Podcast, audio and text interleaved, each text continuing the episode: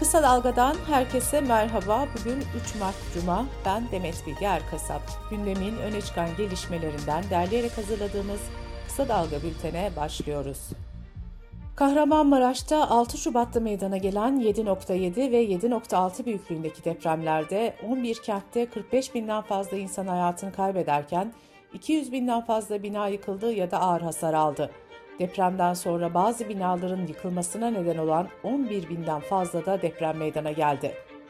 Büyük depremlerin ardından tahliye çalışmaları başlatıldı. Milliyetteki habere göre bölgeden göç edenlerin sayısı 2 milyonu buldu. Deprem bölgesinde 358.037 çadır, 8.476 da konteyner kurulduğu belirtildi. 100 bin konteyner kurulması da planlanıyor. Ancak bölgede barınma ve çadır sorunu devam ediyor. Bu arada Milli Eğitim Bakanı Mahmut Özer deprem bölgesindeki 202.817 öğrencinin başka illerdeki okullara nakledildiğini söyledi. Depremlerde yıkılan ya da imara aykırı değişiklik tespit edilen binalarla ilgili soruşturmalardaki tutuklama sayısı ise 218'e yükseldi. Maraş depremlerinin ardından İstanbul'daki deprem riski ve kentte nasıl önlemler alınacağı da gündemin ilk sıralarında. Çevre ve Şehircilik Bakanı Murat Kurum, İstanbul'da 1,5 milyon riskli konutu belirledikleri iki rezerv alana taşıyacaklarını söyledi. İstanbul Büyükşehir Belediye Başkanı Ekrem İmamoğlu ise buna tepki gösterdi. İmamoğlu, 1,5 milyon konutu hangi rezerv alanına taşıyacak?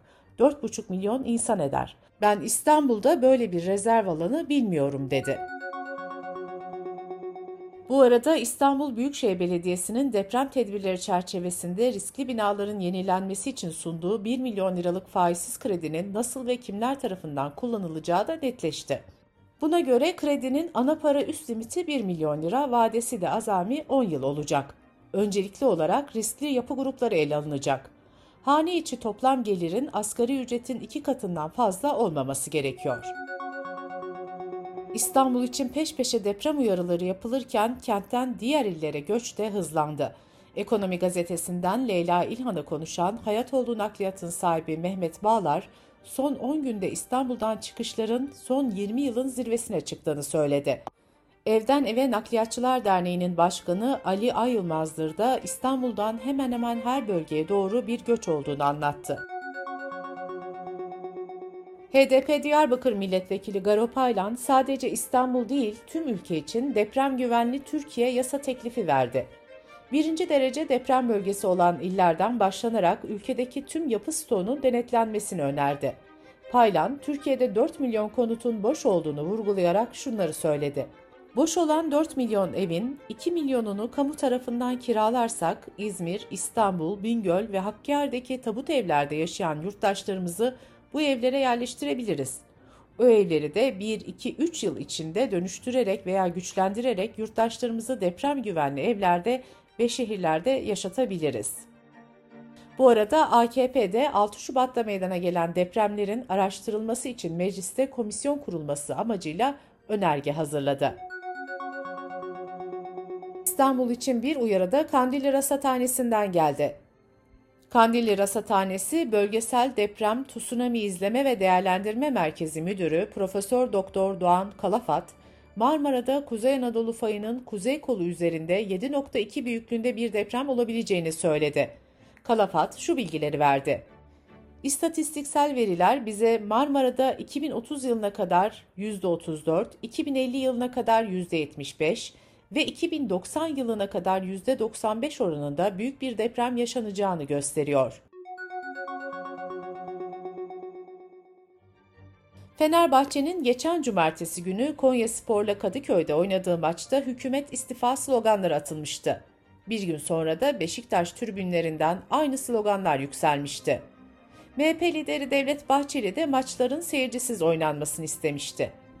Fenerbahçe'nin 4 Mart'ta Kayseri'de oynanacak maçına Fenerbahçe taraftarının alınmayacağı açıklanmıştı. Fenerbahçe Spor Kulübü ise bu kararı yargıya taşımıştı. Kayseri 2. İdare Mahkemesi, Kayseri Spor Fenerbahçe maçında konuk takım taraftarına getirilen deplasman yasağı için yürütmenin durdurulması kararı verdi.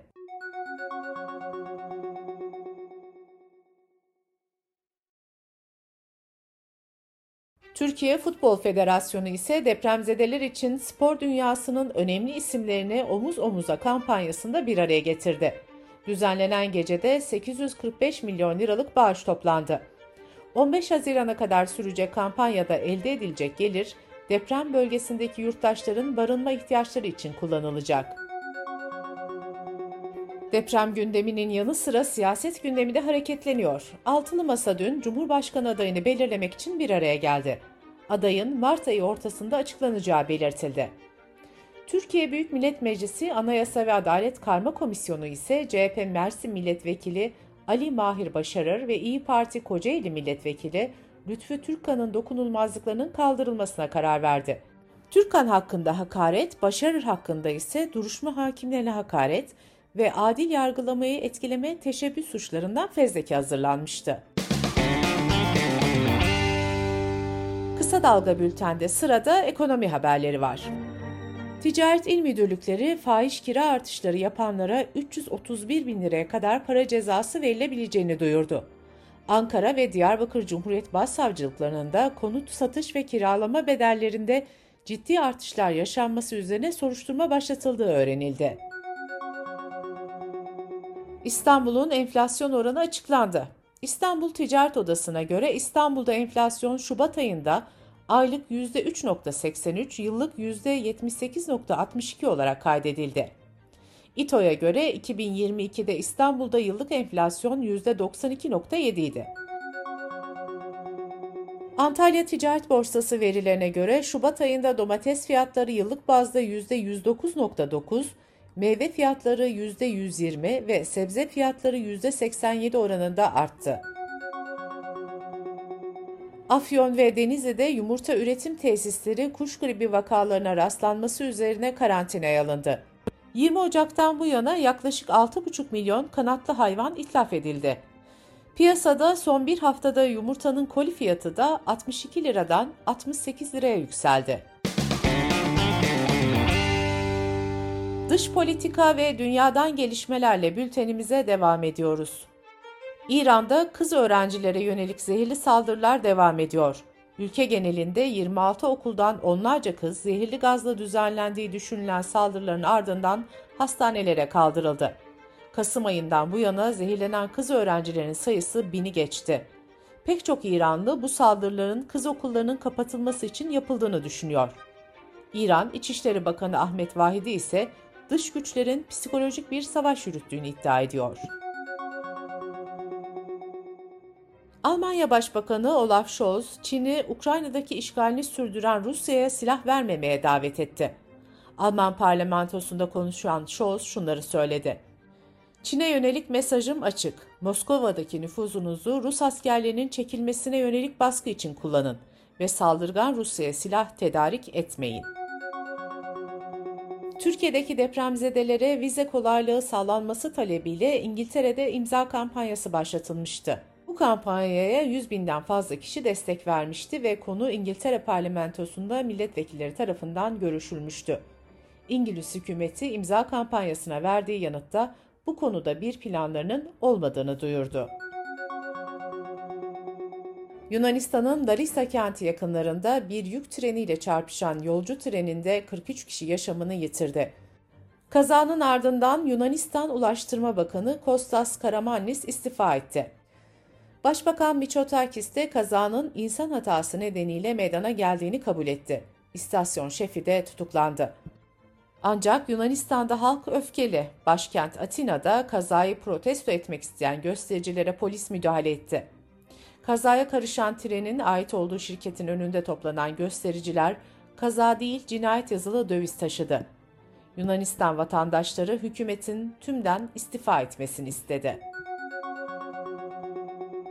Hollanda hükümeti serbest piyasada artan konut kiralarına fiyat sınırlaması getirmeyi planlıyor. Yeni tasarıya göre sosyal konutlarda olduğu gibi serbest piyasadaki kiralık evler için de puanlama sistemi getirilecek. Binanın yaşı, oda ve banyo sayısı, büyüklüğü gibi bütün özelliklerine puan verilecek. 187 puana kadar olan ve orta sınıf bir ailenin ihtiyacına göre düzenlenmiş evlere fiyat sınırlaması uygulanacak. İtalya'da Covid-19 salgınında dönemin hükümetinin uygulamalarına dair soruşturma tamamlandı. Soruşturmada eski başbakan ve eski sağlık bakanı şüpheliler arasında yer aldı. İtalya Sağlık Bakanlığı'nın verilerine göre salgının ilk dönemi olan Şubat, Mart, Nisan 2020'de 27 binden fazla kişi yaşamını yitirmişti. Çocuk ve gençler arasında bağımlılık yarattığı eleştirilerine hedef olan video paylaşım platformu TikTok, reşit olmayan kullanıcılara süre kısıtlaması getiriyor. Şirketten yapılan açıklamada 18 yaşın altındaki kullanıcıların hesaplarına otomatik olarak 1 saatlik ekran limiti koyulacağı bildirildi. Bültenimizi kısa dalgadan bir öneriyle bitiriyoruz. Doğa bilimleri ve sürdürülebilirlik uzmanı Ferdi Akarsu ile gazeteci Mehveş Evin Yeşil Dalga podcast'inde afet bölgesinin yeniden inşasını ele alıyor. Yeşil Dalga'yı kısa dalga.net adresimizden ve podcast platformlarından dinleyebilirsiniz. Gözünüz kulağınız bizde olsun. Kısa Dalga Medya.